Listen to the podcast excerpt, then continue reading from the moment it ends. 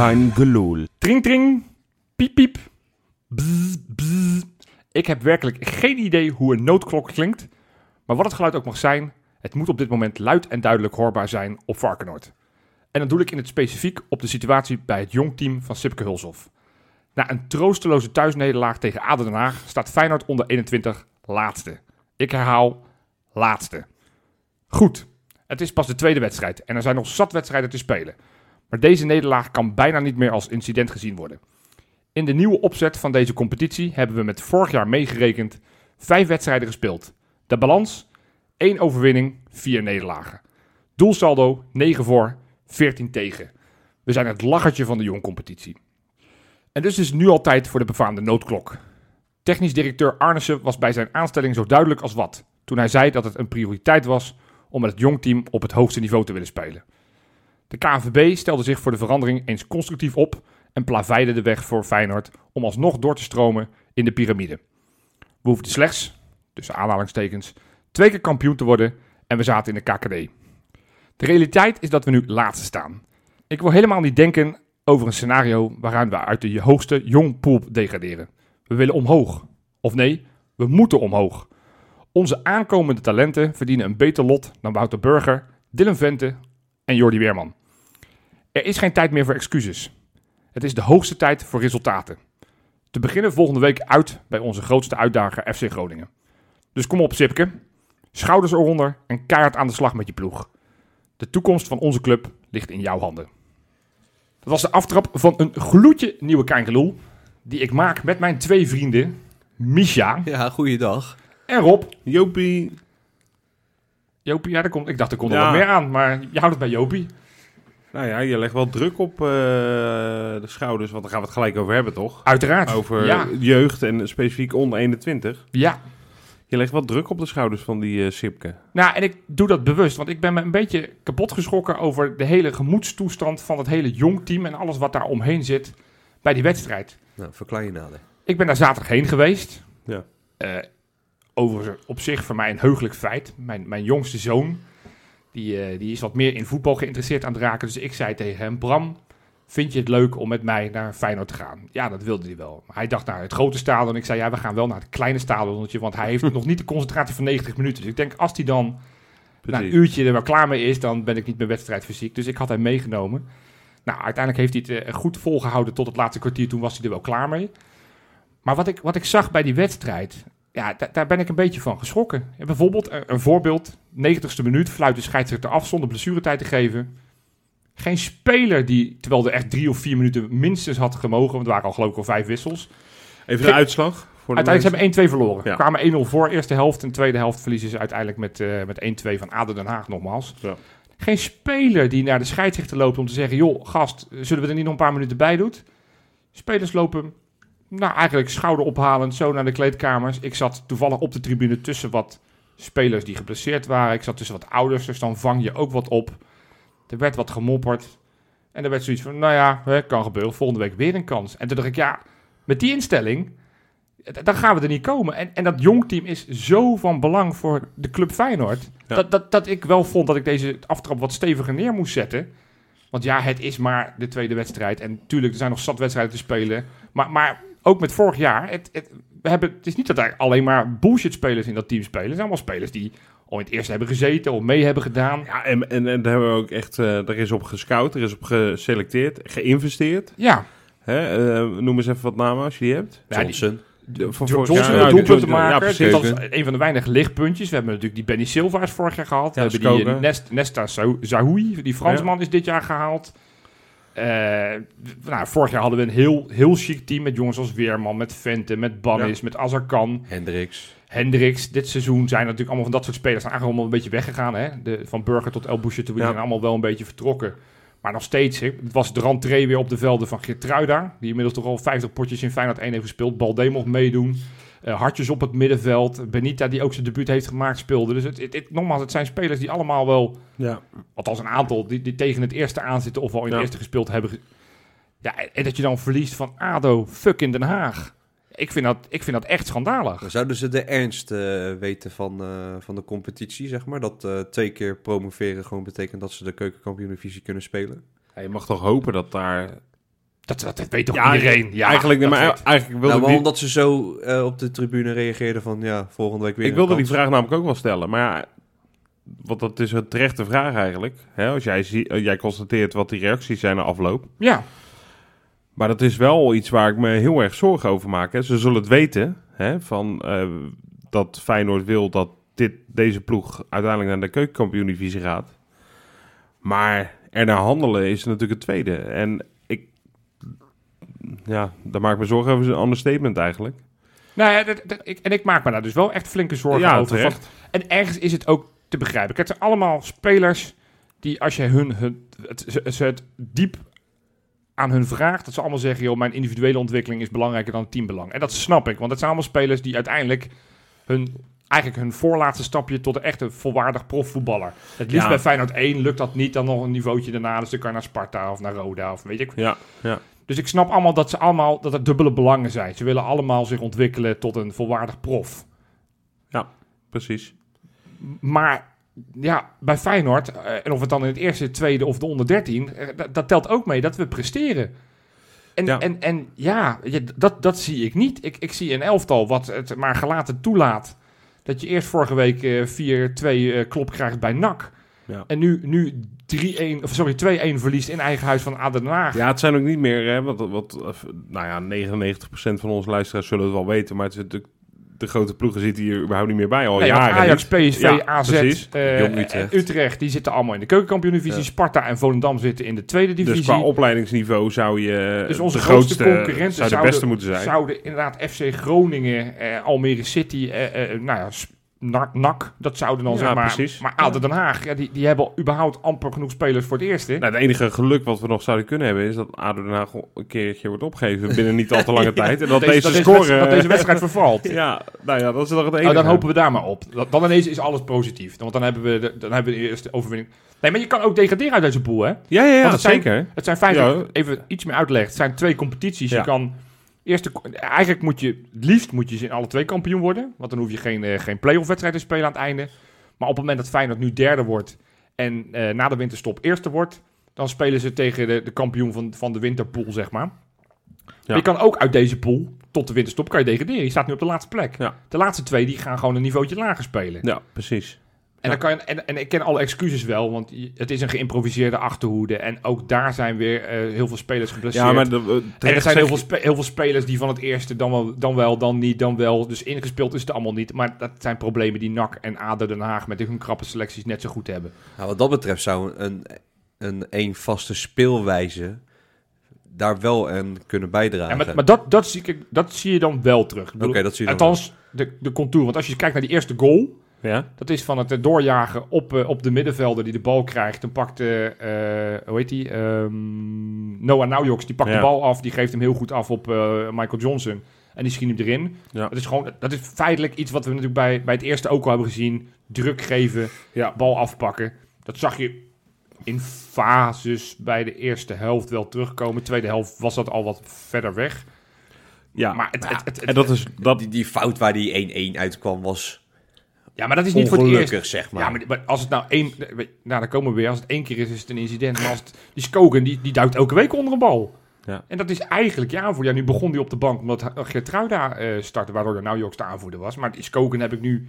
In de voorbereiding zag ik hem elke wedstrijd een fout maken. Ik zie hem nu weer een, een, een grandioze fout maken. Ja, Nou, dan- als je dan scout in Noorwegen, dan haal dan wel iets wat, wat, wat, wat fatsoenlijk is. Ja, ik denk dat het probleem een stuk dieper zit. En dat is? Gezegd. Eh, ja, dat, dat moet ik even goed gaan uitleggen. Maar we, we hebben het nu over... eh, je zou inderdaad kunnen denken, zeg, van ja, is de speelwijze dan wel goed? Nou ja, blijkbaar schort het daar op zich niet aan, aan de, de manier van denken hoe, hoe we zouden moeten spelen. We hebben natuurlijk jaren geleden de boot gemist, bekend verhaal. Ja? Het was geen geld, of men wilde, dat gaf de prioriteit niet aan. Nee, Nou ja. het viersporenbeleid. FC Dort.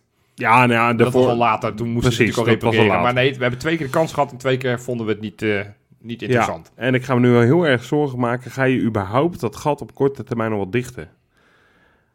Je hebt nu, eh, en dat vond ik hoopvol in het begin, hè? Die, die, die spelers die we haalden, ook specifiek voor de onder 21 eigenlijk, of vanaf eh, Arnissen eigenlijk. Of, Ja. Om ervoor te zorgen dat we inderdaad twee keer zouden promoveren en dan nou, op zijn minst derde divisie, of eh, tweede, Tweede divisie, divisie. Ja. en daarna eerste divisie gaan spelen. Toen dacht ik wel, ja, dat is prima, want je moet dit elftal in ieder geval kwalitatief goed genoeg hebben om te kunnen promoveren. Aan de andere kant, wat ik nu ga denken langzamerhand, hè, we hebben nu twee keer, nou ja, blijkbaar ook, eh, als je een beetje de geluiden, eh, niet alleen van jou, maar meerdere leest, ja, er is wel een, een soort gebrek aan motivatie. En het gaat inderdaad om, eh, voor die spelers om hun eigen ontwikkeling. Dat is natuurlijk anders bij jongens die bijvoorbeeld bij Jong Ajax, Jong PSV zitten. Die hebben ook de droom natuurlijk om ooit Ja. in het grote stadion te spelen. Alleen die doen wel ervaring op op, Op het ene hoogste niveau Op het ene Nederland. hoogste Ja. niveau. Ja. Dat is motivatie op zich, hè? Ja, Nu spelen ze bij eh, onder een, ja, een soort afdankingscompetitie van onder 21 ploegen. Die nog niet meedoen. Ja, Ja, ik chargeer een beetje. ja, het, is, het. het is natuurlijk ook een, een verbetering ten opzichte van een paar jaar geleden... waar je op die maandagavonden moest. Waar Tuurlijk. je echt soort van met... eh, Maar er zijn spelers ingevlogen van buitenaf. Zo zonder Skoken. eh die kan iedere week onder een bal doorduiken. Maar die heeft natuurlijk ook wel de wens. Ja, ik moet gewoon zo snel mogelijk, zo goed mogelijk worden. Zodat ik zo snel mogelijk hier weg kan uit het team. ja, En of bij Feyenoord naar het eerste ga. Of ergens anders. ja. Maar als je al op eerste divisieniveau voetbalt. Ja, dan Ja, heb dan je niet zo heel veel meer te wensen. hè? Dus je, je vangt net wat lager. Dan moet je het daar laten hoger, zien. ja. En dat is een heel mooi platform om Ja. weer te laten zien. Ja. Eh, dus je kan zoveel kwaliteit halen als je wil. Ja, ja, de, de vraag is, ik, ik had toevallig... Ik weet niet of je, of, of je op deze manier zeg maar, het gaat redden. Ik denk dat je misschien soms wel wat spelers die kwalitatief misschien wel wat minder zijn. Want nu, wat je nu namelijk krijgt, denk ik, is bij een aantal spelers het idee van ja, oké, nu horen wij te presteren voor eh, straks het succes van de andere jongens. Van de, van de lichting van de onder, onder Ja, 16, ja, ja, onder ja. 15... die straks zeg maar op niveau moeten kunnen spelen. die straks wel in de keukenkampioen-divisie kunnen spelen. En wij eh, worden verhuurd of teruggestuurd eh, naar Noorwegen of worden verhuurd aan, noem maar wat. En dat is natuurlijk een verkeerde motivatie. Dat is een motivatie van de club en niet van die spelers. Ja, ik, ik, ik was getriggerd door een, een, een offline discussie die ik had met, met Marijn. Die kennen we wel. En die, eh, die is natuurlijk ADO-watcher, dus die, die, die kent die club wat beter. Offline als in, je hebt hem gewoon gesproken. Ja, precies. Ja, oké. En, eh, eh, en, en hij zei van, ja, weet je, wat ADO Den Haag doet, die scout gewoon bij amateurclubs. Ja. Die, die, die zegt van, ja, weet je, eigenlijk moet je dit als een amateurcompetitie be- beoordelen. En je moet niet per se meer denken van, dit moeten allemaal spelers zijn die misschien volgend jaar door kunnen stromen naar het eerste. Want heel realistisch gezien, ja, als je niet geld neerlegt voor spelers, moet je wel heel veel geluk hebben. Zeker. Dus dan kan je maar beter een soort van 20-jarige eh bikkelaars die al twee jaar lang in het eerste van AFC spelen. Of eh, al twee jaar lang in het eerste van, eh, van het eerste van Goes. Ik weet niet veel wat voor niveau dat speelt. Ja, maar in ieder geval wel het die soort van amateurvoetbal. die die, die ja. nou, gaan als de brandweer omdat ze denken: ik heb dat Feyenoord shirt aan. Ja. Pak Ja. veredelde supporters die denken: het is mijn droom voor Feyenoord te spelen. Die weten dat ze eigenlijk niet goed. Misschien, en dat, is, dat voelt heel raar. Maar ja, ik, ik, ik, ik begin zo langzamerhand ook zorgen te maken. En, en als ik dan ook nog Sipke Hulshoff na de wedstrijd hoor in een interview. Hij zei op zich allemaal wel zinnige dingen. De kop die erboven stond was natuurlijk wel iets wat hij uitgesproken had. Maar hij zei letterlijk, ik betwijfel of de eerste, eerste divisie nu realistisch is. Ja, als, die, als je hoofdtrainer dat al zegt... Ja. Nou, nou, nou is de eerste divisie nu ook niet het doel. Want laten we eerst beginnen met tweede Promoveren divisie. naar de tweede divisie, ja. Want we hebben nu nog niet een elftal wat in de eerste divisie überhaupt eh, eh, een deuk in een pakje boter schiet. Dus laat, Nee. laat, laat staan dat we daarover na moeten denken. Dus begin nou eens eerst hier.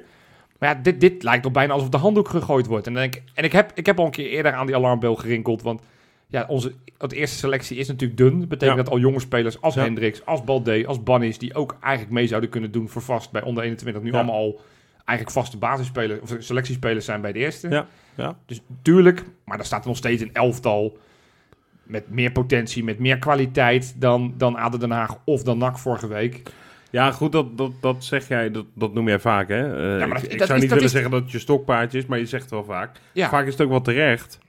Hè, van, ook als wij met Feyenoord één wedstrijd gelijk spelen of verliezen, zijn wij 9 van de 10 keer op papier beter dan de tegenstander. Tuurlijk. Nee, alleen, dit- alleen dit probleem zit wel echt heel diep. Dit gaat, Ja. dit gaat niet over alleen maar kwaliteit van spelers, maar dit gaat ook over wat die jongens drijft. En eh, waarvoor ze naar onder Ja. 21 gaan. En ze kunnen heel leuk een verhaal aanhoren van eh, de technisch directeur. Van ja, we willen met dit, deze, dit elftal, met, dit, met deze onder 21 willen we naar de keukenkampioen-divisie. Maar die jongens weten ook, ja, daar maak ik toch geen deel van uit straks. ja. Maar ik wil gewoon nu niet goed veel- presteren. Maar is het dan niet veel interessanter om de jongens die daadwerkelijk dan aanspraken maken voor die onder de 21 op het moment dat ze eventueel in die keukenkampioen divisie komen, al daarin te gaan laten betrekken? Wat bedoel je dan? bedoel je? De jonge spelers. Ja, ook kijk, eh, zo, Maar dat hebben ze zo nu klein, zeg maar. Ja, die, die, die, die was al invallen. Die zit, die zit al een soort van half bij dat team. Ik denk, dat, ik dat hij denk echt dat, nog jong is. Ik bedoel, hè, ik bedoel eh, hij, hij is 16.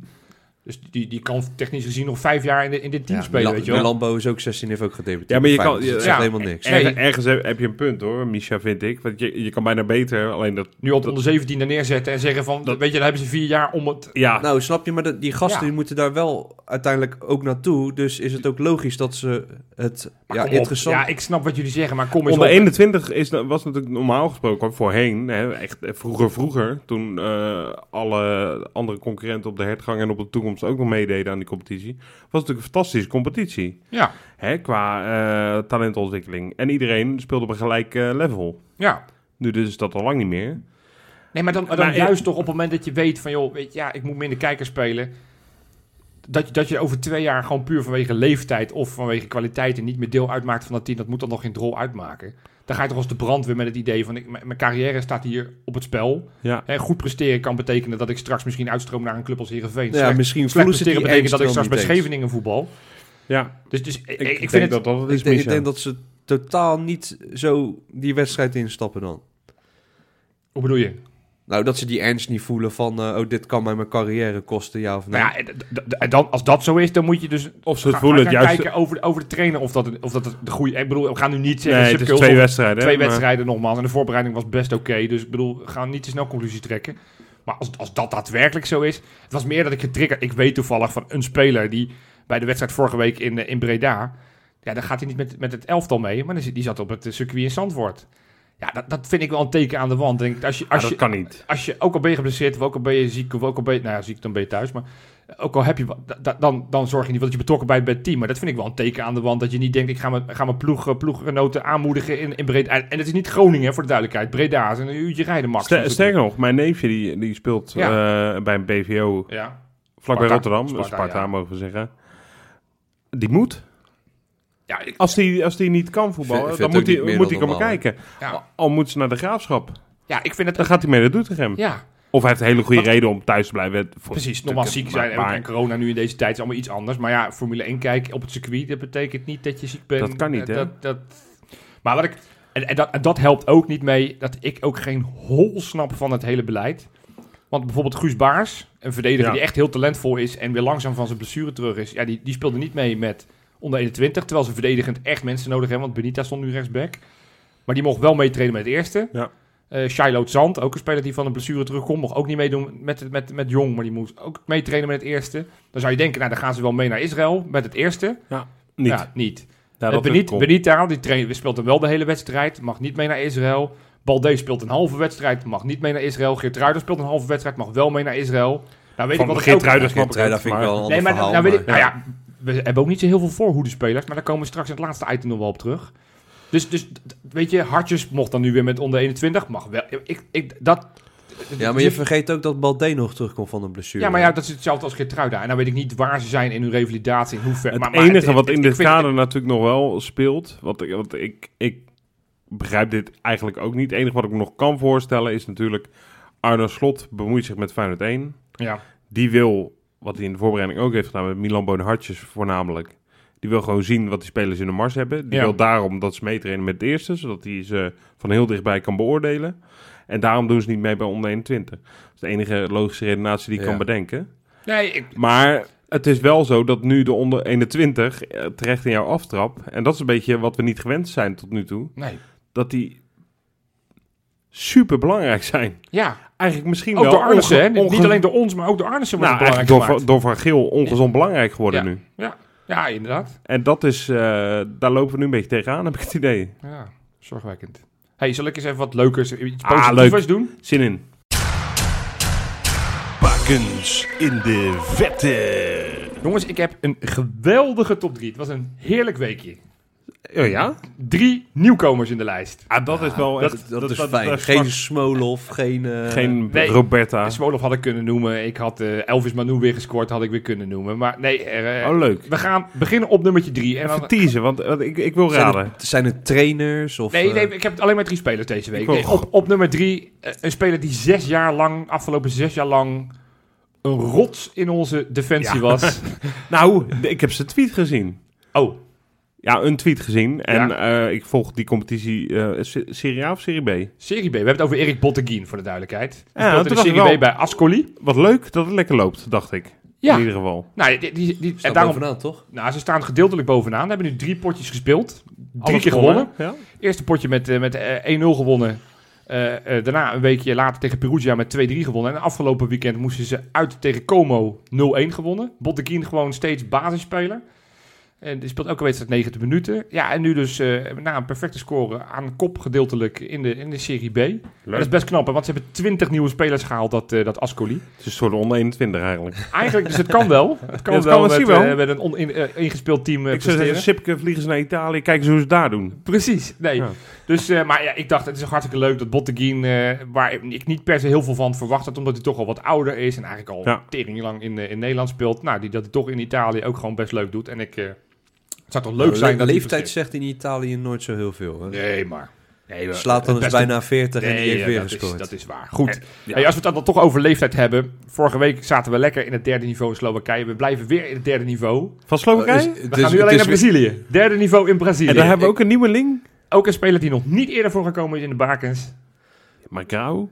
Nou, per- perfect. Echt ja. waar? Ja, Oh. Gerson Magrau, want zo spreek je het uit. Ik heb, ik heb, ik heb een eh, samenvatting zitten kijken van zijn nieuwe club, waar hij sinds een maandje speelt, Ituano.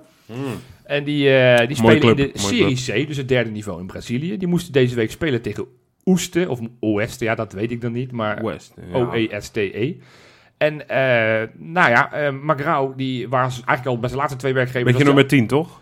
Achter. Nee, dat, dat was niet bij ons, maar hij is wat nou ja, naar achter. Dus eigenlijk een controleur of een linker middenvelder. Ja, en ik wil zeggen, in voetbalmanager 2005 was hij nog eh, CAM. Back in the days. Nou, hij was dus nu een centrale middenvelder, maar hij mag af en toe opkomen. En eh, nou, zo, zo gebeurde ook. En hij kreeg de bal voor zijn voet en schoot die knijterhard in. De keeper liet hem vrij makkelijk door zijn benen gaan. Volgens mij was hij houdbaar. Maar in ieder geval was de 1-0. Uiteindelijk wonnen ze met 2-1. Staan nu op de tweede plek in groep B van de Serie C. Oh god, dat is helemaal... eh En de beste vier plaatsen zich voor de, de, de, de kampioen, ja, zeg maar de, de play-off pool. Oh zo, ja, er wordt samengevoegd. Ja, ja, ja. En met deze overwinning zijn ze nu verzekerd van een vervolgronde. Dus ze hebben nog steeds kans om te promoveren naar... Ja, want de competitie Oh, loopt die- daar met een ander schema ja, ja, natuurlijk. oké, ja. Goed, dus hartstikke leuk van Gerson Magrao. Ja, ik vind het tot nu toe echt... En ik heb... Ja, we blijven op het derde Oh, sorry, niveau ik, voor nummer 1. Ik kan een compliment Weer Luis maar- Pedro. Nee, nee, ik zei nieuwe speler. Nee, nieuwe. Derde niveau. Alleen we gaan nu naar het derde niveau in Engeland. Jawel. Liam Kelly? Nee, Nee, die speelt op is het vierde geweest. niveau. En die is al geweest. Kasim? Nee, Nee, die hebben we al het tweede Derby niveau. Ah, jezus. Nee, ja, ik, Johnston? George Ja, Johnston? precies. George Ja, Johnson. die heeft gescoord, toch? Die heeft inderdaad gescoord. Die, eh, die speelt bij Bolton Wanderers sinds deze zomer. Die is natuurlijk daar, eh, daar transfervrij heen gegaan. Moesten spelen bij Ipswich Town. Town, kwamen aanvankelijk 1-0 achter. En al heel snel eh, draaide eh, Bolton die wedstrijd om. Toen werd het 2-4. En toen was het nog een half uurtje te spelen. En op een gegeven moment kwam er een bal van de rechterkant, werd voorgegeven. Johnston was nog bij een corner, was die een beetje voorin. Die kopt tegen de speler aan, krijgt de bal in de rebound voor zijn voet en knalt hem met zijn verkeerde rechterbeen keihard in de touwen. En gaat daarna, nou, fully loco. Hij gaat, handje, handje, handje, achter zijn, handje achter zijn oor, vingertje voor zijn mond richting het publiek. Nou, uiteindelijk was- Middelvingertje, Ja, dat net vingers niet. dat nog net niet, maar hij ja, maakte dus uiteindelijk de, uit, alles. de broek uit ook. 2-5 ja, ja. en dat was de eindstand. En doen het hartstikke goed, want ze staan aan zeven wedstrijden spelen, staan ze op een keurige derde plek. En de eerste drie die promoveren naar de... Maar Johnson, dat vind ik wel het meest in- interessante aan deze hele baken. Zo, nee, niet dat ik het niet... Want ik vind het heel leuk als we drie een beetje lager niveaus hou ik van. ja. Maar ehm Johnston die een vingertje voor zijn mond doet? Ja, dus ik zat aan te kijken, zijn Ik vind dat er helemaal geen type voor. Hij heeft, hij heeft, hij heeft geshined bij ons in de met de kerstspecial. kalkoen. Ja. Met de kalkoen. ja, bij ons eh, in de Feyenoord eh, clip, ja. Ik vind dat helemaal geen figuur die even, even zo... eh, Vingertje voor het mondje, handje achter het oor. Ja, maar de media in. Engeland is net even iets anders dan hier. Hè? Nee, dit was het publiek. Dus het was, ik, ik denk dat er iets... Ja, ik, Ja. Ik, ik heb nog op ze gezocht. Zijn dat rivalen van elkaar? Want zo goed kennen... Nou, dat, was het niet. Dat, het is nee. niet dat er een En, rivaliteit en zit. Bolton en, eh, en Liverpool. Oh, dat zou kunnen. Ja, maar ja. Ja, Ja, dat- maar ja. Denk, denk, denk je dat die, bol- dat, dat, dat, die, dat die Ipswich mensen überhaupt weten, want het gaat over Ipswich. Ipswich en Liverpool zouden dan concurrenten moeten zijn. Nee, die hebben toch helemaal geen idee dat, Ja, weet ik veel. dat hij ooit in de ver verleden bij Liverpool gespeeld Weet je wat heeft. wel een grappig feitje is over dat Ipswich? Dat zag ik vandaag eh, voorbij komen. Dit Ja. is de vijfde trainer die Paul heet. Met zijn voornaam. En het is nog nooit voorgekomen in Engeland. Ja, wat leuk. Ja. Nou, dat was mijn lijstje weer, jongens. Ja, lekker. Hashtag Koevermans oud. Als je een beetje op Twitter kijkt, zie je het nou, vaak voorbij komen. Dus wij ontkomen er niet aan om... eh, Alleen maar. nou ja, ik, ik zie gelukkig ook wel wat anders. Want als dat het enige is wat ik zou zien, dan zou je denken, wat heeft hij allemaal gedaan? Maar ja, er is veel om, eh, om onze algemeen directeur te doen. Dus, eh, dus ik denk dat het is toch is goed als wij daar een keer over gaan kletsen. Eh, wat is er gebeurd? Misha, Rob, wie, wie kan het uitleggen? Rob is daar veel beter in dan ik. Ik kan het wel uitleggen, ja. Ja, Ehm, nou ja, we weten allemaal de wedstrijd tegen Go Ahead Eagles. Ja. Eh, eh, voelt alweer een tijdje geleden vanwege de interlandbreek. Ja. 2-0 gewonnen, maar het, eigenlijk het mooiste wat er gebeurde... en de- wat bij iedereen ook wel indruk maakte volgens mij... is dat eh, Marco, supporter Marco, van Café Het Vinkje ja. op Zuid... inmiddels Inmiddels overleden, eh, Ja. door eh, eu- euthanasie. Ja. Op, eh, op 1 september uit mijn hoofd. Ja. Eh, die eh, kwam het veld op, eigenlijk, hè, om eigenlijk afscheid te nemen van het legioen. Ja, Eh, mooi spandoek. Nou ja, we- voor mij heeft iedereen het wel gezien. Hoeven we ook Zeker. niet te lang meer Nee, bij stil te nee. staan. Dat was een prachtig moment. En achteraf hoorden we ja, eh, van, van Erwin Beltman, de, de terreinchef, de, de grasmeester. Eh, ja, die nodigde hem eigenlijk uit. Die zei eigenlijk van ja, kom maar, kom maar het veld op. Hè. Dat werd gevraagd ook. Ja. En Erwin dacht ja, ik eh, ga dat doen, tuurlijk. ja, Het terecht was... Ja, nou ja, we kunnen er heel lang eh, hele mooie woorden aan vuil maken. Maar dat, eh, nou ja, de filmpjes en de foto's spreken voor zich. Eh, dat was een heel emotioneel, maar mooi afscheid. ja. En achteraf, later kwamen eigenlijk berichten... Eerst naar buiten, dat Koevermans Erwin Belman op het matje had geroepen... en een sanctie overweegde op te leggen. ja indirect. Indirect. Koevermans, want, Ja. want de- Beltman, zijn baas, is, eh, is van Merwijk. Ja. hè, de stadiondirecteur. En dus Koevermans had eigenlijk geëist dat er een eh, sanctie uitgesproken zou worden over Beltman, omdat dit een eenmansactie was en dat niet gecoördineerd was. En Ja. dat dat daardoor nou ja, een, een straf zou moeten volgen. Op zijn minst een reprimande. Nou ja, in Precies, ieder geval, eh, dat was toen het verhaal. Nou ja, ik, ik, eh, ik zelf, en ik schrok er wel van. Ik dacht, hallo, hoe kan je zo koelbloedig... Ja, en toen kwamen de, de eerste hashtag Koevermans out, want toen begon het eh, Ja, helemaal niet- los niet- te gaan. Nee, eerst, maar de- meer de- aanleidingen van de geweest. laatste hevige ja. Juist, juist, ja. Eh, zijn inderdaad, eh, toen kwam die hashtag van, van, nou ja, hoe kan je dit doen en dergelijke. Ik, en, en dat is eigenlijk de aanleiding voor, voor waar we het nu over gaan hebben. Ja, Is zijn positie nog wel houdbaar? Nou ja, dan moet je ook weer even een klein stapje verder gaan. Erwin Beltman heeft inmiddels op Facebook, eh, heeft hij een paar dagen geleden uitgebreid bericht gedaan. Eh Rijmond zei dat hij excuses maakte. Nou, dat vond ik niet. nee. Ik vond het niet echt een excuusbrief. Hij heeft gewoon de situatie uitgelegd. Maar de boel wel een beetje genuanceerd. Hij heeft wel gezegd van, nou, ik heb een gesprek gehad met Koevermans. En ehm, nou, je kan er ook nog over twisten in hoeverre moest hij dit op Facebook zetten. Of in hoeverre is, zijn dit zijn eigen woorden. Maar het verhaal is in ieder geval in dat gesprek met Koevermans naar voren gekomen. Joh, eh, mooi dat je dit gedaan hebt. Hè, want hij kon niet over zijn hart verkrijgen om Nee. te zeggen... ja jongen, sorry, maar je mag het veld niet op. Nee, Maar normaal gesproken hebben wij hier een afdeling voor. ja. Heb jij die naam daar staan? Christa. Ja, ik- de, de Ja, afde- Christa. de spe- speciale verzoeken. Juist, speciale Eh, geleid door Christa. Ik heb haar toevallig eens een keer gesproken, dus ik weet en echt dat het, ja, dat klinkt keihard, maar lopende bandwerk is aan aanvragen wat zij krijgt. Ja, ja, wij zijn geen kleine club. Er zijn dagelijks verzoeken van mensen die iets rondom Feyenoord willen doen. ja. En er was dus ook bij deze bewuste wedstrijd tegen Go Ahead, was er dus ook een andere zieke supporter in een box. Ja. Ja, en, en, en dat was de ophef vanuit Feyenoords oogpunt, dat ze zeiden van ja, dat is een beetje scheef. De ene gaat wel het veld op en de andere niet. ja. En, en, en, En dan kan je de discussie wel voeren, vind ik. Eh, misschien gaan we dat nu ook wel doen. ja, Van, dit is natuurlijk een spontane actie. Die Erwin Beltman was gewoon met het gras bezig. En eh, die wordt min of meer geconfronteerd met dit. Ja, voor mij is het vrij menselijk dat je dan denkt... Ja, ik kan nu heel erg eh, papierwerk doen en zeggen... Ja joh, het, volgens het reglement mag dit niet. Maar voor mij doet niemand dat. Voor mij zou je standaard zeggen... Ja, oké, doe maar, weet je. Ik, ik kan hier geen nee tegen zeggen. Ik denk En, dat dat de actie ook eh, veel mooier maakte dan dat het... eh, dat je had kunnen verwachten, zeg maar. Zeg maar dat eh, het onverwachte van het moment dat hij zo het veld op mocht lopen... dat het net even extra meer lading met zich meegaf. ja, ge- de vraag is, en daar gaan we geen antwoord op krijgen, en die is in zoverre niet relevant, in hoeverre was het georganiseerd? Wat ik bedoel, ja, weet je, Hij moest daar Ja. wel gekomen zijn. Dus ik bedoel, het is Maar niet dat dat hij wel- toevallig langs het veld stond en Nou, zei... ja, dus- weet ik niet. Dat weet ik niet. Maar En- dat, dat is wel heel erg speculatief. Als Nee, we hierop daarom- in zouden gaan. Nee, maar daarom zeg ik van, het is ook niet zo heel relevant. Maar om, om het, het verhaal van Misha iets te ontkrachten van, weet je, het, het, het, het, het lastige is in deze, want was in eerste instantie zag ik al de reacties en reageerde ik een beetje zoals jij zei, Rob. Ja. Van ja, hoe, hoe kan Feyenoord dit nou maken? Hoe, hoe kunnen ze nou weer zo bot en zo halstarrig optreden Ja. over iets wat zo menselijk, iets wat zo dichtbij bij supporters komt? Ja. Hoe kunnen ze zich nu weer zo van hun slechtste kant laten zien? Dan hoor je de andere kant van het verhaal en dan denk je, ja, da- da- daar is wel wat voor te zeggen. En, en weet je, dan, dan zal het gelijk ergens in het midden liggen. Ja. Ehm, maar het, het feit is nu wel dat het eh, niet voor het eerst is dat onze algemeen directeur onder vuur komt te liggen. En, en ja, de, de vraag is in hoeverre is dit nog houdbaar op deze had toch manier? niet, niet per se gelijk met een sanctie hoeven lopen dreigen? Hij Nee. had het toch ook gewoon intern kunnen zeggen tegen Belman van... joh, luister, pik wat je daar hebt gedaan. Niet heel verstandig, want we hebben nog Ja, meer maar dat mensen... vind ik dus lastig, want ik weet, we weten dus niet hoe dat... Want, want daar blijft zowel Feyenoord Ja, als Beltman als, als soort Nou, van... Het rare feit is wel dat dit... eh, dat, dat er een gesprek heeft plaatsgevonden tussen Belman en, en Koevermans... is Ja, de vraag duidelijk. of dat gebeurt, of dat het indirect via Van Merwijk. Want dat is mij dus ook nog niet duidelijk. Nou of ja, dat ik- ik heb- echt zelf Ik gesproken heb eh, heeft vandaag, en vandaag is maandag, heb ik een artikel op eh Rijnmond gelezen van eh, eh, Ruud van Os. Ja. Waar ik het uitermate, eh, begrijp ik in dit geval echt niet, dat Mark Koevermans hier niet op wilde reageren. Ja, Dat ik denk, joh, als je...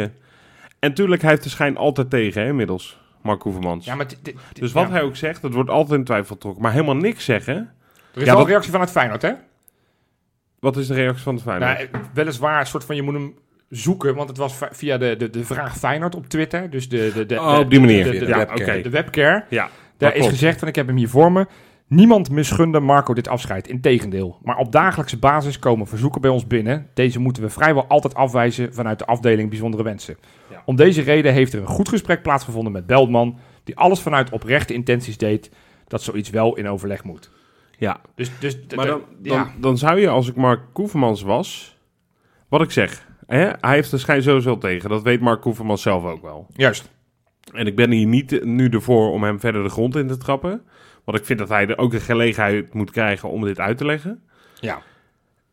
RTW Rijnmond heeft een, eh, nou, lang een, een, een artikel eraan gewijd... waarin ze eigenlijk heel deze situatie uitleggen... en dat, dat hij daardoor weer verder onder vuur komt te liggen.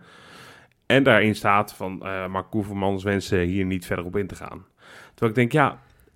Jongen, ik weet, normaal gesproken wil je altijd als media... of, of, of als, als profclub... wil je goed in het daglicht komen... En nu had je een beetje schade kunnen beperken. En natuurlijk, er is een deel, en misschien was ik dat zelf ook als ik een reactie had gelezen. Ik dacht, ja, dit zeg je nu alleen maar omdat er reactie gevraagd wordt. En hij staat natuurlijk al 6-0 achter, Ja, maar... maar, maar ja. helemaal niet reageren, Nou, ja. terwijl hij de kans heeft gehad om nu nog een keer... Weet je, hij had, had zich nu ook van zijn zachte kant, als hij die heeft, kunnen laten Ja. zien. En in ieder geval kunnen zeggen, joh... Mensen, het was allemaal niet zo spannend als dat het nu Ja, klinkt. of- of maar, van maar nieuw zelfinzicht. Het kan ook zijn dat hij er misschien zelf inziet. al van, had, hij, al had hij die tweets van Feyenoord... Het is wat sterker als de algemeen directeur dit zegt... dan dat het Twitter-account Nou, van ja, Feyenoord webcam. Webcare Ja, dit Dat. Exact. eigenlijk, en dat is het. En, en daar- volgens mij ligt daar de crux. Volgens Ja. mij ligt daar het pijnpunt van heel veel van die supporters. Die zeggen van ja, het is niet voor het eerst dat Koevermans verstoppertje speelt. Hè, op het moment dat het stadiondossier wat spannender Ja. werd, was, was, eh, was Joris van Dijk ineens naar voren geschoven.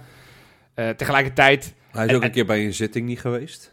hij, inderdaad in de, Ja. gemeenteraad, toen het inderdaad ook over het stadion Ja. ging, kwam, kwam hij niet opdagen. Ehm, op het moment dat hij gevraagd wordt, van, joh, geef nou eens tekst en uitleg over het ruwe randje. Dan doet hij dat na heel lang mee te wachten. Komt hij uiteindelijk bij Rijmond. En gaat hij niet het gesprek aan met de supporters. Ja, dat sowieso en- natuurlijk al de, de biel voor, daar verbaas ik me nog steeds het meest over bij Feyenoord. Iets wat ik echt onverklaarbaar vind. Dat de, de portefeuille supporterszaken bij geen enkel directielid, belegd is. Maar dat het belegd is bij de stadiondirecteur. Ja, ik vind dat echt onbegrijpelijk. Als, als, Die nog eh, best vanaf komt in dit verhaal trouwens, hè, Jan van Merwijk. Ja, Want die heeft blijkbaar, volgens eh, dat artikel van Rijmond... en daar is dan navraag naar gedaan... en die heeft blijkbaar een soort van voorkomen... dat Koevermans een sancties opleggen. precies. Nou, dat Want kan die heeft toch wel een soort van menselijkheid ingeschaft. Ja, jongens. Oké, de officiële weg is via speciale wensen. Ja, En ik denk ook wel dat iedereen daar begrip voor heeft... dat dit niet elke week op die manier kan, op deze manier. Mhm. Dat dit een, eh, een, een heel spontane actie was. Ja. Hè? eh, wat je zei, ik wil niet speculeren of dit geregisseerd was. Ik ga ervan uit dat dit een spontane Ja. actie is. Dat je daar een keer je medewerking aan verleent, omdat je, ja, het gebeurt op dat moment. Het ontstaat dan. Daar kan ook, denk ik, iedereen nog wel begrip voor opbrengen. Maar dat dan uitgerekend de stadiondirecteur van, van Stadion de Kuip. Ja, het is natuurlijk heel scheef allemaal bij Ja, Feyenoord en, is- en raar doorvlochten. Maar dat hij dat dan voorkomt, dat hij zo nog al- als enige het Het is wel meeste... fijn dat in een notendop. Nou, het dat is wel soort echt van, als je het hebt over rare ja. structuurtjes en rare, eh, rare verbanden. Daar moeten ze ook maar eens gewoon eens een keer mee gaan kappen. Ja, nee, dat, Ja, dat, dat- eh, bij deze besloten. Maar Nee, ik geloof op- niet dat het zo makkelijk is. Ja. We hebben het in de Los Patrones gehad. Gelijk goede reclame voor, voor patreon.com slash eh, of kangaloo.nl om ons... eh, nou ja, hè, dan kan je die Los Patrones aflevering ook luisteren. We hebben het gehad over onnodige managementlagen en dat soort zaken. ja, dan hadden we deze ook al kunnen En bespreken. daar hebben we de Scrum Master genoemd. Ja, eh, die natuurlijk tegenwoordig overal voor wordt ingevlogen. fijn dat kan als scrummastertje gebruiken. Ja, zeker. Ja, Ja, maar echt. Maar echt, je zou eigenlijk een dat hebben ze club... toch met dat bedrijf van, eh van Arnees, eh, die, die, die- heeft die- in... Ja, Sportsology. die- die- eh. maar die zit meer op de sportieve kant Ja. dan echt volgens mij de, de businessstructuur. Ter- Terwijl, ja, weet je, daar, daar moet je denk ik vier universitaire diploma's voor hebben om dat allemaal te snappen, hoe dat allemaal zit met al die structuren. Met, en ook die amateurvereniging die natuurlijk een heel rare Het constructie is heeft. noodloos ingewikkeld. Ja. Maar goed, dat, daar, daar wil ik het nu niet per se over Nee, hebben. Daar, nee, daar hebben we het al eens over gehad en daar gaan we het nog vaker wel over hebben. De vraag is, die ik nogmaals een keer aan jullie stel, is met al die kleine dingetjes die nu opge, opgestapeld zijn... Hè, in het artikel van Rijmond werd ook gezegd van ja, zoveel jaar geleden was het Onno Jacobs die... eh, Ja. Dus eigenlijk werd er nu de vraag die het, het artikel op Rijmond eh, stelde was... Wordt, wordt, Koevermans, wordt Koevermans de nieuwe Onno Jacobs? Dat hij uiteindelijk straks geslachtofferd wordt? Is de positie van Koevermans nu nog houdbaar? Ineens is het stil. Ja, nou ja, nee, ik denk het niet. Want, Als algemeen directeur van Feyenoord hoor jij ten eerste altijd naar buiten te komen als er dit soort dingen gebeuren. Je moet representatief zijn. ja, En je moet ook gewoon eerlijk en straight zijn naar je supporters toe. Ook met betrekking tot zo'n stadiondossier. Hè, neem, en dan zeg ik even ons, er gewoon in mee. Ga niet halve verhalen lopen vertellen. Ga, ga niet je supporters lopen bashen met ruwe randjes. Dat, het heeft niet zo heel veel zin, want je werkt die hele groep alleen maar tegen je. We willen als Feyenoord allemaal vooruit. ja. En dat is of in een nieuw sta- stadion of in het huidige stadion. Maar zorg er gewoon voor dat jij als algemeen directeur daar staat en Feyenoord daar ook echt mee in leidt. Ja. En, en, en ga niet met rare sancties komen omdat iemand uit een goede intentie een mooi afscheid gunde. Nee, als, je, als je het doet, leg dat dan ook uit. Ja, Weet je, als je ervoor staat, als je, wat, wat dat, en dat, nou ja, daarnaast sluit ik de vraag aan jou, Rob. Ja. Als je dan een soort van iemand straf geeft, is het natuurlijk het allerlast als je dan zegt, ja, eh Misha is stout geweest. Rob, ga jij Misha eens even straf geven, als Ja. ik dat tegen jou zeg. Dat is natuurlijk, Ja. Dan moet ik het zelf, zelf tegen Misha doen. En dan belt er een omroep en dan zeg je, oh, kan, kan je dat nog even uitleggen voor ons, hoe dat precies is gegaan? En dan zeg je, nee, dat, dat doe ik niet. Nee, nee, nee, nee, precies. Dat, dat, is, dat is natuurlijk dat is niet goed leiderschap. En als iets fijner Nee. nodig Nee, maar heeft, dat heeft hij toch zelf ook nog ooit eens in een boekje eh, lopen roepen dat hij Ja, zich dat, eigenlijk niet capabel achtte voor, eh, voor deze functie. ja. Maar, maar daar, daar en, en dat, dan roep ik ook de andere kant van het verhaal, roep ik nu ook zo langzamerhand op. Ja, het is bijna heel stichtelijk wat ik nu ga doen. Maar dit, dit incident was nog niet gebeurd. En, en het, nou, het wemelde inderdaad met Koevermans oud-tweets. Soms heb ik wel mensen zien die gewoon in één tweet wel 40 keer Koevermans oud tikten. Eh, weet je, er zijn altijd wel twee kanten van het verhaal. En, en, en jij zei, Tuurlijk, jij zei Johan, ook al, Rob. Nee, nee, maar wat ik meer probeer te zeggen... Toen hij, toen hij wel in dat bewuste filmpje van... joh, de club staat in brand, we hebben jullie geld nodig. Ja. Laat alsjeblieft Ja. je geld... Ja. Toen kreeg, ik, kreeg hij ook alle shit over zich heen. Want toen was dat ook weer niet goed. Weet je, toen stond hij wel voor de troepen. Toen ging Dat hij, hebben wij overigens wel benoemd, volgens mij. Dat Zeker, we dat ook maar- maar ook- ook toen was zeg maar, als je dan Twitter... En nogmaals, Twitter is niet representatief. Toen was de algemene opinie op Twitter van... ja, dit doet hij ook niet goed. Dus hij, hij kan het ook al bijna wat hij ook doet niet meer goed doen. Dus ik vraag ook aan de supporters... ga nou niet bij alles wat hij doet meteen vol in de aanval. Probeer ook af en toe te luisteren Oké, en te maar kijken wat hij zegt. Heel wat anders dan Johan. Ja. Als, als iemand al per definitie iets niet goed kan doen, waarom zit hij daar dan nog? Nou, dat is een beetje, dat is een beetje eigenlijk... eh, sorry Johan, dat ik Ja. jou... eh, Ja, jij mag ook de vraag Momentje afpak. Ja, nee, zeker. Want Dan ik weet hij wil ook eens hoe dat even op ingaan. Ehm, je hebt gelijk, er zitten twee kanten aan het verhaal. Het is misschien ehm, niet allemaal 100% Mark Koevermans schuld. Maar ik denk dat het, het, het kwaad al zo geschied is... dat dit soort incidentjes... kan die er gewoon niet meer bij hebben. Nee, ja. En uh, want als wij een uh, hele, als ik, ik noem maar even iemand die wij volgens mij, nou wij noem ik gewoon Feyenoord supporters, wij in het algemeen, vaak noemen als uh, de ideale man Robert Eenhoorn. Nou, dat is inmiddels ook wel bij heel veel supporters klaar hoor. Nu AZ Ja, een met- beetje in met de huidige, maar, maar- maar, maar, dat hebben we natuurlijk lang geroepen. Ja, Als die dit een keer zou overkomen, zeg jij terecht, ja, eh, Koevermans kan niks meer goed doen. Robert Eenhoorn had dan wel wat spek op de botten wat dat Ja, betreft. Had ja. je- Maar bij Koevermans is dat gewoon een beetje over. ja, En dat is al lang zo. ja. En dus ik denk ook niet meer dat, dat wat er ook gebeurt nu met Feyenoord of met Koevermans.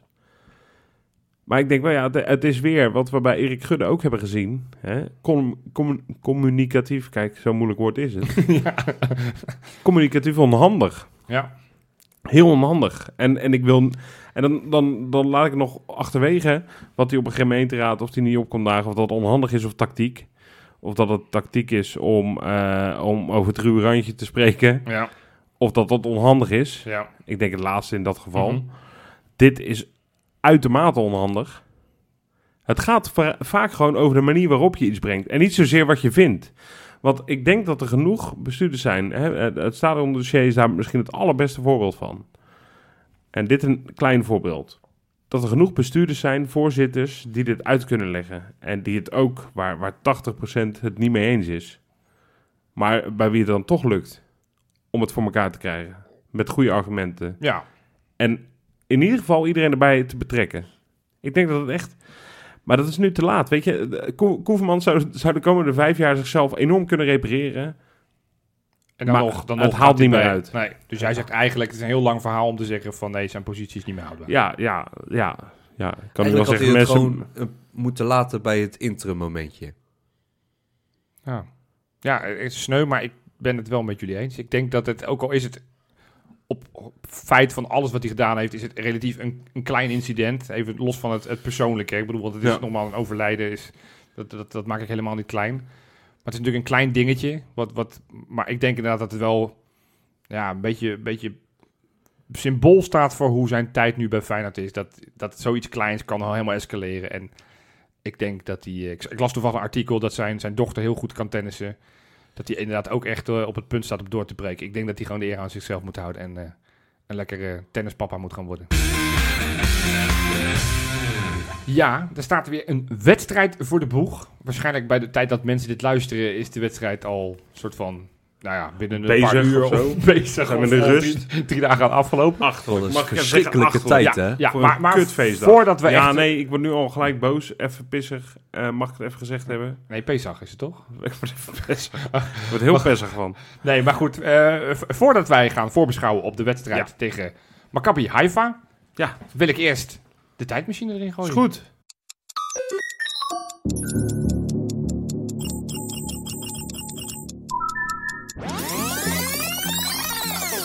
De tijdmachine. Ja, jongelui, tuurlijk, tijdmachine. Makkelijk, want inderdaad, wanneer de meesten dit luisteren, is het matchday en is het de allereerste groepswedstrijd van de Europese toernooi. Ja, we zijn wel de, En nog wel de nieuwste, hè, eh, de Conference League. Nog nooit voor gebeurd. altijd de eerste. Dat Voor wou ik dus de net zeggen, ja. Ja. Ja, en nu echt, want, want eh, Vitesse doet het natuurlijk ook mee. Maar ja, die spelen donderdag pas. Ja, en wij spelen zo extreem vroeg. Wij zijn gewoon... Met alle- twee andere clubs. Er zijn nog twee andere clubs. Maar het waren geen Nederlandse clubs, maar inderdaad. Is dan, want Maccabi Tel Aviv doet ook mee. Dat Uh, Hapoel die- Beersheva, dacht ik. En volgens mij nog een club uit Kazachstan Die spelen ook Die, die spelen dinsdag. ook allemaal dinsdag om half vijf of zo. Jongen, Ja. jongen, jongen. Dus we zijn met z'n drieën. Maar goed. Nou, lekker. Maar goed, eh, nou ja, daar kunnen we over... We veranderen dat niet meer. Nee. Ik ben eens gaan kijken, want ik dacht, ja... Ik, ik vind statistiekjes op zich leuk. Heb ik een beetje van jou, Jopie. Ja, ja, dat ja. komt door jouw enthousiasme in de laatste jaren. Dat jij altijd met lijstjes aankwam. Ja. Dus ik dacht, ja, laten we een soort quizje maken. Oké. Ehm, eigenlijk, eh, de tijd van groepsfase is in de geschiedenis van het voetbal eigenlijk niet zo heel oud. Nee. In de Toto vroeger had je groepsfases. Maar ja, dat was een soort toernooi om uiteindelijk naar een UEFA Cup Precies, of een eh, ja. Europa Cup 1 te komen. Ehm, dus die heb ik niet meegeteld. De allereerste groepsfasewedstrijd in een zeg maar, Europa League, UEFA Cup of Champions League was in het jaar 97, 98. Deze geef ik jullie even. Ja. Die verloren wij. van, Ja. niet de minste tegenstander hoor, Manchester United. Nou, dan mag je tegen verliezen.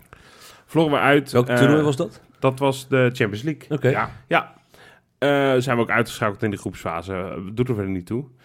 Ehm, we hebben in, tot nu toe, en met vandaag erbij rekenen we dan even niet mee. Ja. Dus voor Maccabi Haifa hebben we elf keer een groepsfase sinds 97, 98 van een Europees toernooi gehaald. Ja.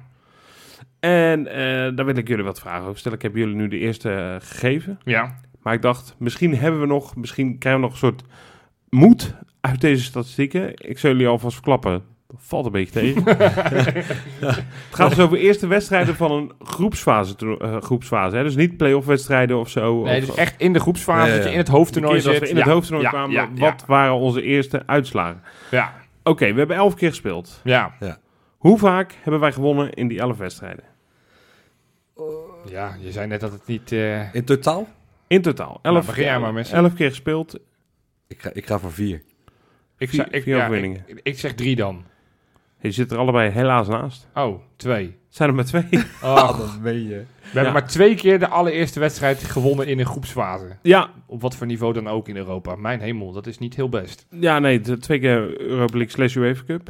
Ja, er wordt, ik, nee, één, weet ik er. ja, moet je dat- weten, dat is niet de, heel de lang naam, geleden. De naam is net al genoemd, Manchester United. Precies, daar hebben we twee keer tegen een verschrikkelijk mooie wedstrijd was dat. De 1-0 helaas voor een lege parterre trap, weet ik nog. Ja. Eh, gelukkig was er nog geen VAR, want anders was de 1-0 afgekeurd. Weet je, Ja, buitenspel van Jurgen. van Jurgensen, inderdaad. Maar ingeschoten fantastische wedstrijd. Ja, Eh 1-0 gewonnen inderdaad. ja, en die andere, ik zit even heel diep te graven, kijken of ik hem kan achterhalen. Maar Die ik- andere was een tegenstander op, op hetzelfde eiland. Eh, eh, toen was dat ook een thuiswedstrijd. Nee. oh, Ehm, toen gingen we wel door, want die wedstrijd United was heel leuk, prachtig. Alleen toen werden we alsnog gingen we er alsnog uit. Ja. Derde, toch? We werden Moet derde. ik een ja. jaar toch geven? Ja, niet dat het dat mij heel veel helpt, maar laat, probeer maar. Misschien dat Het was dan... seizoen 2004-2005. Ja. Eh, Chelsea? We werden toen eerst in de pool, UEFA Cup ook. Oh, dan is het geen Chelsea. Nee. Want daar hebben we de Champions League tegen gespeeld. Jullie denken heel groot qua clubs. Veel Eh, kleiner denken. Oh, Blackburn. Nee, nee je moet, je, ik zeg zelfde eiland, dat hoeft niet alleen dat... Oh. Hebben, oh, ja, die, die schotten. Juist, Ja. ja. in de buurt. Oh, eh... eh 3-0, klinkende ja, thuisoverwinning. Messi Vol- zit mij aan te kijken. Die zegt van, ik ben uitgecheckt. Ik was Eh, hierbij, ik weet niet meer wie er gescoord had, maar ik was hier wel bij. Ah, man. Eh, hoe heet die? eh, nee, niet Kilmarnock. Eh, nee, ik, ik, ben, ja, ik ben de naam even kwijt. Ook Uh, Hibernian. Ook niet Hibernian, ook niet Motherwell, ook niet St. Mirren, Hearts. ook niet Livingston. Hearts of, maar Hearts of. Midlothian. Ja, 3-0 overwinning. ja. Toen zijn we ook doorgegaan. Kijk. Dat hebben we dan wel weer. En wat ik zei net, eh, maar twee keer overwinningen uit 11 wedstrijden geboekt. Elke We zijn wel vijf van de elf keer. Zijn we op een bepaalde manier hebben we overwinterd. Oké. Eén keer bijzonder overwinterd, omdat die huidige, dat, dat bestond toen, maar die structuur hebben we nu niet meer in Europees voetbal. Weet u dan waar ik het over heb? 99, 2000. De dubbele Champions League uh, Juist. rondes. Dat je, ja, precies. Dat je was twee... ik simpelweg te jong voor. Gingen we naar de, had je, had Ja, je, dat, is, dat was de eis. Dat als je aan deze podcast aanschuift, moet je in ieder geval de geschiedenis vanaf moet je 19, ouder zijn dan 30. Hoe oud ben jij? 34 moet je toch wel eh, moet je toch kunnen, kunnen weten. 26 erop. Ja, maar dat is het mooie van deze rubriek, dat Rob een beetje onderwijs eh, geeft. Toen gingen we door. Misha, ik zal het even uitleggen voor de jongere kijkers, eh, luisteraars moet ik zeggen ook. We hadden toen dubbele groepsfases. Ja. Nee, dat is, echt, dat, Serieus, dat is geen ja, grap. ja, ja. Je begon in, eh, nou gewoon zoals de Champions League nu is, acht keer eh, eh, vier pool, eh, acht pools van vier. Ja. Ja. Wij zaten toen in de pool met onder andere deze tegenstander uit Noorwegen, John Karev, Ja, Rosenborg. Rosenborg BK. Uit Samen met, eh met eh, Boavista zaten we in de pool. Boavista, ja. Somalia. Ja. En die andere weet ik even niet meer uit mijn hoofd. Eh, Kijk, Wesley is altijd heel goed in dit soort quizjes. ja. En ik, ik weet het wel. Dat heb ik niet genoteerd. Ik heb genoteerd dat we uit begonnen bij Rosenborg en in ieder geval gelijk speelden. Hè? Dat was nog Ja. fijn. En de beste twee gingen door naar de volgende groepsfase. Oké. Ja, dat is echt bizar. En toen kwamen we echt tegen grote ploegen. En dat haalde Feyenoord. Feyenoord werd toen tweede in de pool. Eh, uit mijn hoofd. Nee, eerste trouwens. We wonnen die pool, eh, Ja. poolfase. Gingen toen door naar de tweede poolfase. Dus eigenlijk een soort achtste finale. Alleen Ja. dan vier keer vier. Oké joh. En dat was toen met Chelsea onder andere. Ju- eh, Nee, Lazio. Lazio. En dat, Ja, daar werden we derde, Ja, helaas. ja, ja, dat redden ja, we niet. Ja. Eh, maar dat, eh, dat was eh, uniek. Eh, het jaar, twee seizoenen later, 2001, 2002, gingen we ook door. Gingen we naar de UEFA Cup uiteraard. Ja, die, eh, want toen waren we Champions League uitgeschakeld. Ja. Dat was in de pool met Olympique. Marseille. En dat is dezelfde de- ja. structuur als nu. Hè. Derde, derde gaat door Nee, naar... Marseille was eerder. Was dat- niet- was dat maar eerder? Was Oké. was niet in 2002. Nummer drie gaat naar de Europa League. Ja. Eh, dat was toen ook. Nummer drie. Daar moeten ze overigens mee stoppen. Ik vind, dat, ik vind dat dat een soort van, eh, weet je, een devaluatie van je toernooi. Dat je een soort van, je, je begint met 32 en die moeten het uitmaken. En niet soort van, oh, de losertjes van een niveautje hoger komen en halverwege nog ergens bij Ja, geramd. en vaak zijn dat ook niet echt losertjes, hè? Nee, ja, goed. Maar ik, Dat zijn allemaal lastige ploegen, hoor. zeker, nee, dat uiteraard, want ze spelen natuurlijk een niveau hoger. Dus nee, Champions League speelde, ging volgens mij uit mijn hoofd Napoli naar de Europa League. Nou, Ja, is ja. geen kleintje. Nee, dus nou oké. Nou, dat zijn niet per se eh, super positieve statistieken. Nee, Met name als twee we dan toch... gewonnen. Wel positief in die zin, vijf keer gelijk. Ja, En ook eh, verreweg de meeste wedstrijden uit begonnen, net als nu. oké. Nou, dat is een hele mooie brug. Dan kunnen we nu langzaam gaan voorbeschouwen op de wedstrijd tegen Maccabi Haifa van dinsdagmiddag half vijf. Hoe zing je het? Ja, ik, daar moeten we niet te veel over mopperen, Nee, want nee. dat is een feit. En dat, eh, dat is half nou ja, zes daar, denk ik. Of niet? Half zes daar. Ja. Dat is dan weer positief, want dat, eh, ik begreep van dat daardoor niet alle supporters het stadion ingaan, omdat die daar dan gewoon werken.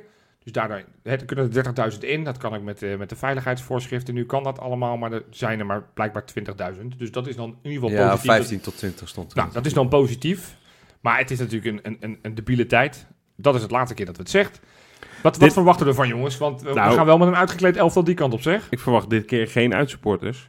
Nee, die, Nee. Want je moet in quarantaine en alles. Ja. En ik, ik denk niet dat je moet willen om dat daar proberen te omzeilen in Israël. Dus hooguit lokalo's die daar, daarheen zijn gegaan en die voor Feyenoord zijn, die dan misschien met een Feyenoord Ja, we hadden, we hadden een paar jaar geleden natuurlijk de tegenstander. Ja, Hè, de rubriek die ook voor patronen is. Ik zal er nog maar eens op terugkomen. ja, Eh kijkloel.nl ja. Eh, Het spraken we met de supporter van Hapoel Beersheva, waar we toen Ja, tegen speelden. En die hebben dus een, hadden dus een, nou hebben, een gloeiende hekel aan Maccabi Haifa onder andere. Ja, Dat is echt het Feyenoord Ajax eh, en Maccabi Tel Aviv heb je ook nog. ja. Beersheva is, in principe een wat kleinere Een club. kleine club, ja. Klopt. Maar, ehm, eh, dus misschien als er een paar Beersheva-fans bedenken van we gaan naar Haifa toe. Ik zal mijn oude contact Odette Rum. Oh, dat is Rum. Ja, schitterende naam ook. Schitterende naam. Dat Ik zal vergeet je nooit meer. sturen, want dat hij namens ons mag afreizen. Dat hij eh, voor Feyenoord mag gaan. Wat dat betreft is het jammer, eh, nog een klein zijstapje, dat we niet tegen een Portugese club eh, spelen. Ja, want dat was de mooiste Dat tegenstander. was Die was gewoon straalbezopen toen hij jou aan de die lijn had. ik, die was straalbezopen. die gozer. Nou, dat zit dus allemaal achter Ja. de betaalmuur. Gaan we het straks vast nog over hebben. Ja, betalen. Hey, maar goed, Ma- Maccabi Haifa. Kampioen van vorig jaar in Israël. Ja. Hoe, hoe schatten we dat in? Want het, het zou op papier de zwakste tegenstander in onze pool moeten zijn. Ja. Eh, Zo heb ik het lang bekeken, maar de meer dat ik van deze tegenstander vond en opzocht, dacht ik, oei, ik vind het toch wel een heel listig, lastig, vervelend partijtje die wij, eh, die wij moeten gaan spelen. Maar hoe, hoe staan jullie erin? Ik ga weer met een waanzinnige open deur binnenkomen. Ja. Ik, ik denk dat het... Ik, eh, ik dacht al, toch hier een beetje. Ja, ja, ja. is. Messi! Is Messi weer met zijn Dat is ook een clichés. rubriek, de open deur van Messi. Nou, heb ik ook mijn rubriekje. Ding, ding, ding. Nee, ik denk Open dat het oprecht wel een, eh, een lastige wedstrijd gaat worden Oh. daar zo. Sterk. Oh, ik- ja, daar wil je het bij laten. Of ik denk, er komt nog wat na. Nee, want je gaat me weer lopen bashen. Nee, dus joh, eh, ik, krijgt, ik, ik, krijgt ik lekker de tering. Johan. En dat mag niet meer van onze luisteraars. Nee. Maar, maar ehm, ja, weet je, ik, ik heb bij mijn, nou ja, nogmaals, mijn Israëlische vriend heb ik nog eens gevraagd, van, joh, ja, vertel me eens wat over die club, wat Ja. kan ik verwachten? Nou, hij Oh, dat wilde- is Rum. Hij, oh, de drum. Ja, nogmaals. Jij vindt die naam heel leuk om te Ja, doen. ja, Je zeker. zou bijna denken dat het een artiestennaam is, maar zo heet hij echt. Heb je ook gevraagd aan hem of hij het terecht vindt dat die wedstrijd verplaatst is? Of nee, dat niet? nee, dat heb ik niet gevraagd. Nee, ja, weet je, dat land ligt op slot, dus daar kunnen wij wat van vinden. En dat is een, een nationale feestdag. Ja, weet je, als, als de, vliegve de vliegvelden... Ja, dat is lastig op zich. dan, Maar dan kunnen wij zeggen, we willen per op donderdag spelen. Maar ja, als we dan niet op tijd zijn, terug zijn voor zondag die wedstrijd in, eh, in, eh, in Eindhoven... is waar. hebben we misschien is wel een probleem. Dus dat is Oké. gewoon een feit. Maar hij zei van, ja, weet je, eh, een, een ploeg met nou, de beste trainer van Israël. Een jonge vent, ik heb even opgezocht. Hij is, even kijken hoe die heet. Hij heet Barak Bakar, 41 jaar. Is al vier keer kampioen geworden van Israël. Zo. Met eh, twee verschillende clubs. Drie keer is hij met Hapoel Beersheva kampioen geworden. Dus Oh. een kleinere club. Vorig jaar is hij overgestapt naar, eh, naar, naar Maccabi Haifa. Is hij ook mee kampioen geworden. Met een andere club heeft hij, toen hij zijn eerste trainersklus had, is, heeft hij de beker gewonnen. Het schijnt heel, inderdaad heel attractief eh, aanvallend voetbal te spelen. Toen dacht ik, hey, dat, Oh, maar dat ligt ons wel. Dat, dat ja, kennen we dat, ergens dat, van. dat ligt ook wel. Maar dat is... nou ja, volgens mij is het een soort van de Israëlische... eh, Feyenoord. Arne Slot. Arne Slot, als ik het zo een beetje luister. En hij zei van, je moet twee spelers in de gaten houden. Eén, hij zegt, ja, dat is een speler die je misschien zelf wel kent. Ja, dat is natuurlijk... Sharon Sherry. Precies, Tjeroen Oh, ja. Sherry, die Ja, we ja. natuurlijk in Nederland wel gezien hebben. Ooit in het verleden ook nog aan Feyenoord gelinkt is. Toen er bijna een rechtszaak overgekomen Ja. was, omdat hij per se naar Feyenoord wilde gaan. Als we toch de geschiedenisboeken ingaan. Maar dat is een speler waar we op moeten letten. Dat is de, de grote smaakmaker, de, de, de, de aanvallende middenvelder, de spelverdeler. En de andere speler is de rechtsbuiten Omer Atsili, nummertje 7. Ja, die heeft van het weekend twee keer Die gescoord. heeft inderdaad afgelopen weekend eh, twee keer gescoord. Vorig jaar heeft hij er ook eh, best wel veel gemaakt, geeft ook veel assist. Hij zegt dat dat zijn de twee belangrijkste spelers. Kijk, en als ik dan de naam Cherie hoor, dan, dan denk ik van nou, dan hebben we een indicatie een beetje van het niveau.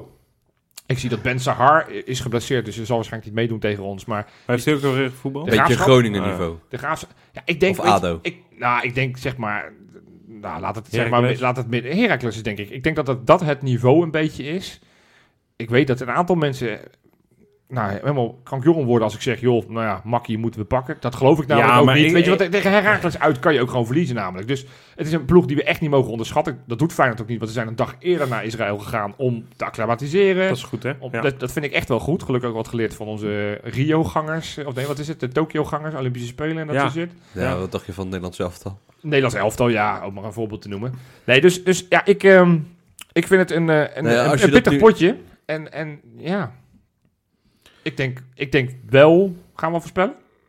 Of Ja, we, willen we ik- nog wat ik- meer zinnig zeggen over... eh, ze Ik hebben ben- al heel veel potjes gespeeld, want ze hebben pas twee wedstrijden in de competitie Ik gespeeld. ben wel, eh, ja, ik weet niet of jullie me al kennen. Ik ben Rob van stichting eh Kap met Indekken. Ja, Daar ben ik echt helemaal klaar mee, al, al een paar jaar. ook. ja, En daarom ben ik altijd heel blij. en ik weet dat is jouw open deur, Johan. ja, dat jij altijd zegt...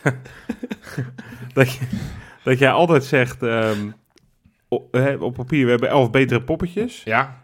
Ik ben altijd blij als je dat zegt. Want ja, Nou, dat geloof ik ook. dat ja, typisch- ja, nee, het is typisch fijn om het daar weer weg te geven. Hou op met die flauwekul, alsjeblieft. Nou ja, precies. Als we ergens heen willen, Kappen nou gewoon, is man. het, is het ook klaar met... het is eh, Heracles uit. Nou, dat vind ik een mooie vergelijking. Inderdaad, als een tegenstander om niet te onderschatten. ja, Waar we echt ons best moeten doen. zeker. Maar moeten we verdomme wel gewoon kunnen winnen daar. ja, Abs ah, ja, kappen Nou, nou. het, het is oprecht wel belangrijk om gelijk je eerste wedstrijd te winnen. Want dat Ja. maakt het gewoon... zij zijn in een veronderstelling dat zij ook fanatieke fans hebben. Eh, Ja, luister ook onze, onze tegenstander. Wesley heeft eh oud-trainer van Ja. Maccabi Haifa aan de lijn gehad. Gaf ons heel, gaf heel veel leuke nieuwe inzichten. Eh, Een beetje Fred het Feyenoord van eh, Israël, zei Fred Rutte. Ja, dus fanatieke supporters. Ja, dat, dat wordt het al heel snel op het moment dat er meer dan vijf mensen op de tribune Ja. zitten.